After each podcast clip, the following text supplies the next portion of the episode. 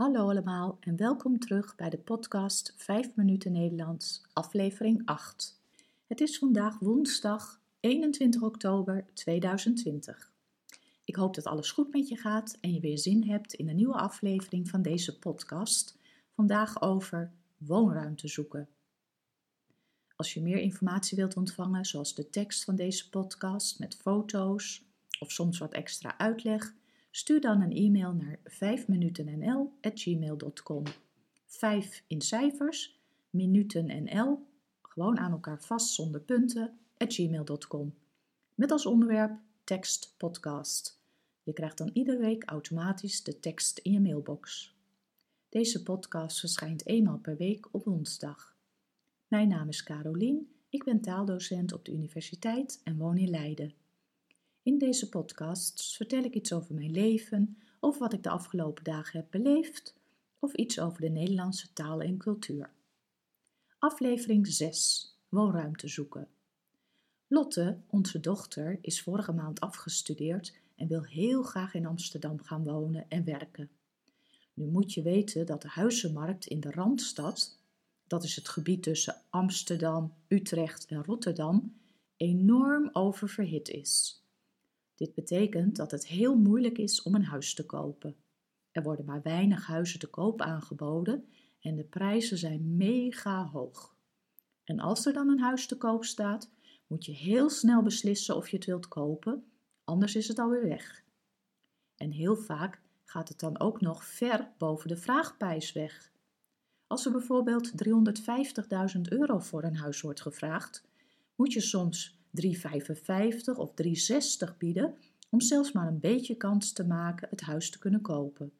Heel fijn natuurlijk als je je huis wilt verkopen, maar heel frustrerend voor mensen die een huis zoeken. Zoals nu ook voor onze Lotte, die begint met werken en dus meteen een heleboel geld zou moeten lenen om een appartementje te kunnen kopen. Dat gaat dus niet. De jonge mensen die net beginnen met werken, huren vaak met elkaar een appartement. Afgelopen zaterdag is Lotte naar Amsterdam geweest om een kamer te kijken.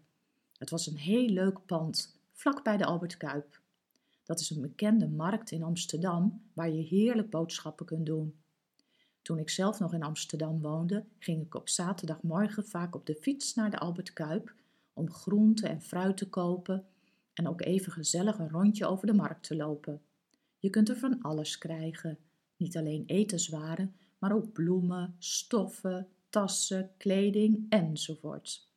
En je kunt er natuurlijk ook bij de viskraam een haring eten. Die ken je misschien nog wel van mijn uitzending over 3 oktober. Het huis wat Lotte was gaan kijken was een verdieping in een mooi oud pand waar drie jonge meiden wonen. Ze hebben een gemeenschappelijke woonkamer, keuken en badkamer. En voor iedereen is er dan een eigen slaapkamer. Met z'n drieën kunnen ze zo de huur delen. Dan blijft het nog een beetje betaalbaar.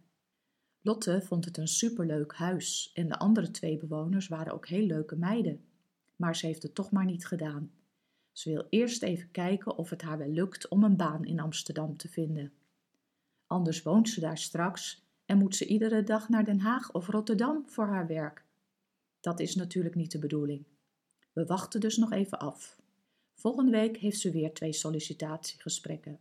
Eén in Amsterdam en eentje in Utrecht.